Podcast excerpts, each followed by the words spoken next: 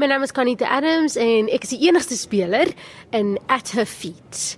My name is Nadia Davids and I'm the writer director of At Nadia, vertel vir ons waar kom hierdie gedagte van hierdie stuk vandaan? Hierdie stuk is al jare terug geskryf. I began writing it in 2002. Um, and Connie and I, just to give you a quick recap, we've been friends for a long time. We've known each other since we were 15. She was at Springfield and I was at St. Cyprian's and we used to debate against each other on opposing teams. So we have a really long history and a long relationship. And then when we got to university, we met properly and we became friends and we used to do a lot of drama work together.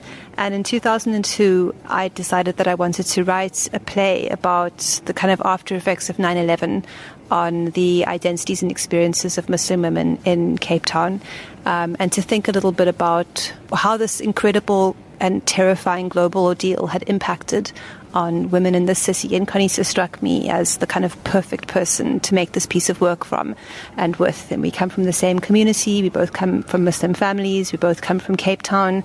Um, and we had very similar approaches to making work and, and the kind of very similar ideas about what kinds of work inspire us and what we wanted to do. So we got together and we thought, you know, what better way to push back against the very simplified, um, problematic images of Muslim women than to create complex ones and to create ones with depth and meaning and feeling. Um, and to say, look, here is an array of kind of four women in Cape Town.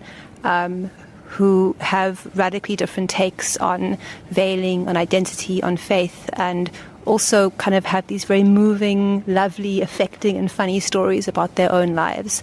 So for us, the play has always very much been about that relationship between the personal and the political, about the local and the global, about the kind of internal and external world. Yeah? And she's an amazing performer. So it was a joy to write for her and to know how she'd push the boundaries of the text and yeah, do something engaging and beautiful with it. Korita, vertel 'n bietjie vir ons van die stuk. So, ehm um, daar is omtrent 6 karakters. Die eerste karakter en die laaste karakter is 'n ma en 'n dogter uit Jordan in die Midde-Ooste. En dan is daar vier karakters wat uit Kaapstad is. Ehm um, en die jongste is omtrent 18, 19 jaar en dan is die oudste 65. Sy's 65, maar eintlik is sy lekker 165. en hulle hulle ken mekaar en soos die um, stuk nou aangaan, begin die gehoor uh, besef dat hulle eintlik of hulle is actually related aan mekaar of hulle ken mekaar, hulle is vriende of wat ook al. En so hulle praat oor mekaar, hulle praat met mekaar, hulle gesels saam gehoor en daar is 'n tipe van 'n dialoog wat aan die gang is. En ek sê altyd voordat 'n modern family of 'n office of daai tipe van stukke waar uh, die vierde, you know the fourth wall, ons praat gewoonlik van die fourth wall in teater, ons breek dit. En daar is van die karakters wat saam gehoor direk praat of hulle praat met mekaar. Maar die mees belangrikste ding oor hierdie stuk is dat daar omtrent actually is daar 6 moslim vroumense wat wat praat en hulle deel hulle eie stories met mekaar, met die gehoor, met ons en dit is actually was die eerste keer in in in my um, ervaring dat daar 'n teaterstuk was wat eksklusief oor moslimvroumense gegaan het. Geskryf en gedirek deur 'n moslimvrou en ek self wat 'n moslimvrou is, um, wat in die stuk is. Vir my was dit uh, dit was wonderlik. Hierdie is deel van Vrouedagviering is. Well, I think that when one when one thinks about um, narratives about women or narratives about feminism, I think these are these are global things that bind us. So yes, there are kind of you know, this is a play specifically about Muslim women, but it's also very much a play about women generally. So what we've always been very grateful for and very gratified by is the incredible diversity of the audience that we've always had for this play. And not just in kind of generational terms, we'll have like quite young people. I think we've had like 10 year olds come and see it, and we'll have on the other, other side of the spectrum women in their 90s come and see it. But we've always had a very culturally and racially diverse audience. And for us, that's important because that means that the stories are about a specific group of women, but the entry points are universal. Um, and so when we when we speak about work around Women's Month or Women's Day, it is about saying, look, here are a few stories about a very small group of people, but you're all welcome. Come in and sit with us, and let's let's talk about what we have in common, not just what kind of separates us. En daar's 'n tipe eerlikheid in die teks self wat mense lok. En ek sê altyd as jy iemand is wat op die grens van jou familie, jou skool, jou gemeenskap, jou kerk, jou jou mosk, jou sinagoge. As jy voel daar is tye in jou lewe wat jy nie heeltemal vattigheid kan kry aan jou eie gemeenskap, is hierdie 'n stuk vir jou. Ek sê altyd as jy as jy voel jy's buite die beraamde like die borders van 'n stereotype is, is hierdie 'n stuk vir jou. Dan sal jy iets kry om te om aan vas te klou. Ja, want ek wil nou juist vir jou daaroor vra want oningeligtheid en stereotypes gaan so hand aan hand. Ja, natuurlik, maar dit gaan nie net oor moslim vroumense nie. Ehm um, daar is baie mense wat ehm um, die slagoffers van stereotyping is. En ek kom van 'n gemeenskap, Nadia kom van 'n gemeenskap. Ek het op die Kaapse vlakte groot geword, maar ons almal klink nie dieselfde nie. Ons ons lyk nie dieselfde nie. Ons dra nie dieselfde klere nie. Ons gaan nie na dieselfde skole toe nie. Ons koop nie ons goed by dieselfde winkels nie. En hierdie stuk deel daaroor. Ons praat daaroor. Daar is nie een tipe moslim vrou nie. Daar's ook nie een tipe moslim man nie. My pa is 'n moslim man, haar pa was 'n moslim man en ek het groot geword in 'n familie wat baie ondersteunend was en ek het baie geleenthede gekry. My pa het vir my nooit vir my gesê nee, jy mag nie gaan sit te toek op jou kop of wat ook al nie.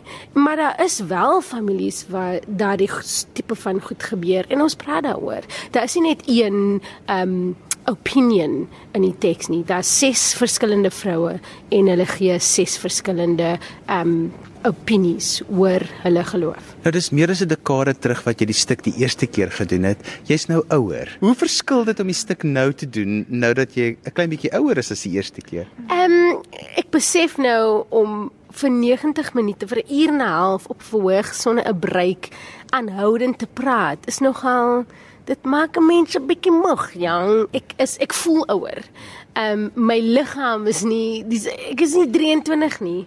Ehm um, maar so ek raak vinnig moeg, maar dit is nog steeds wonderlik. En ons het glad nie die teks aangepas nie. Dis alhoewel dit baie tempting is om like 'n Rhodes must fall reference in te sit of 'n of 'n Trump of 'n of 'n Kardashian. Want soveel het gebeur eintlik in die wêreld, nie net aan moslim in die moslim gemeenskap nie, maar like in die wêreld het daar baie gebeur en dis baie tempting om om 'n like 'n modern reference in te sit, maar ons het dissipline gebruik en ons het gesê nee, ons gaan dit nie aan aanpas nie, maar ek het wel verander. Ek ek het in Johannesburg gebly en toe weer teruggetrek Kaap toe en daar's baie goed wat in my in my persoonlike lewe gebeur het en ons sal maar moet sien. Atafit het 'n uitskielike akademiese teks geword. Het jy dit ooit voorsien dat dit so wyd gelees gaan word en so oral voorgeskryf gaan word? No, I don't think anybody anticipates when they're writing something um, what the kind of public reception is going to be, what the academic reception is going to be. I mean, it did have a kind of an academic grounding in a way because my sister had been doing um, her her MA thesis around the Zimmerman's narratives in Cape Town, and in some ways the play was born out of the conversations that we'd had with her, or even socially the conversations Conisa had had with her, um, and it was really, I think, Leila's work around the idea of complexity and the idea of having, as Connie said, you know, these, these four radically different women, but who could all exist on the same street. Um, which really pushes back more than anything. That that's something that will push back against the idea of simplifying people, of stereotyping them.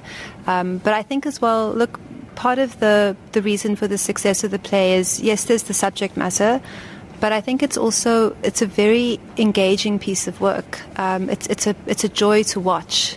And that I think is what makes people kind of return to it and feel an affection for it. Because it's, it's one thing to have something that has kind of ideological and political resonance, but then you must, you can read a book. Mm. You know, there are, there are any number of academic tracks that one can read um, that, that, that's going to give you that kind of information. With theatre, you can't be didactic and you can't try and beat people over the head to come to your perception or understanding of something, you can invite people in.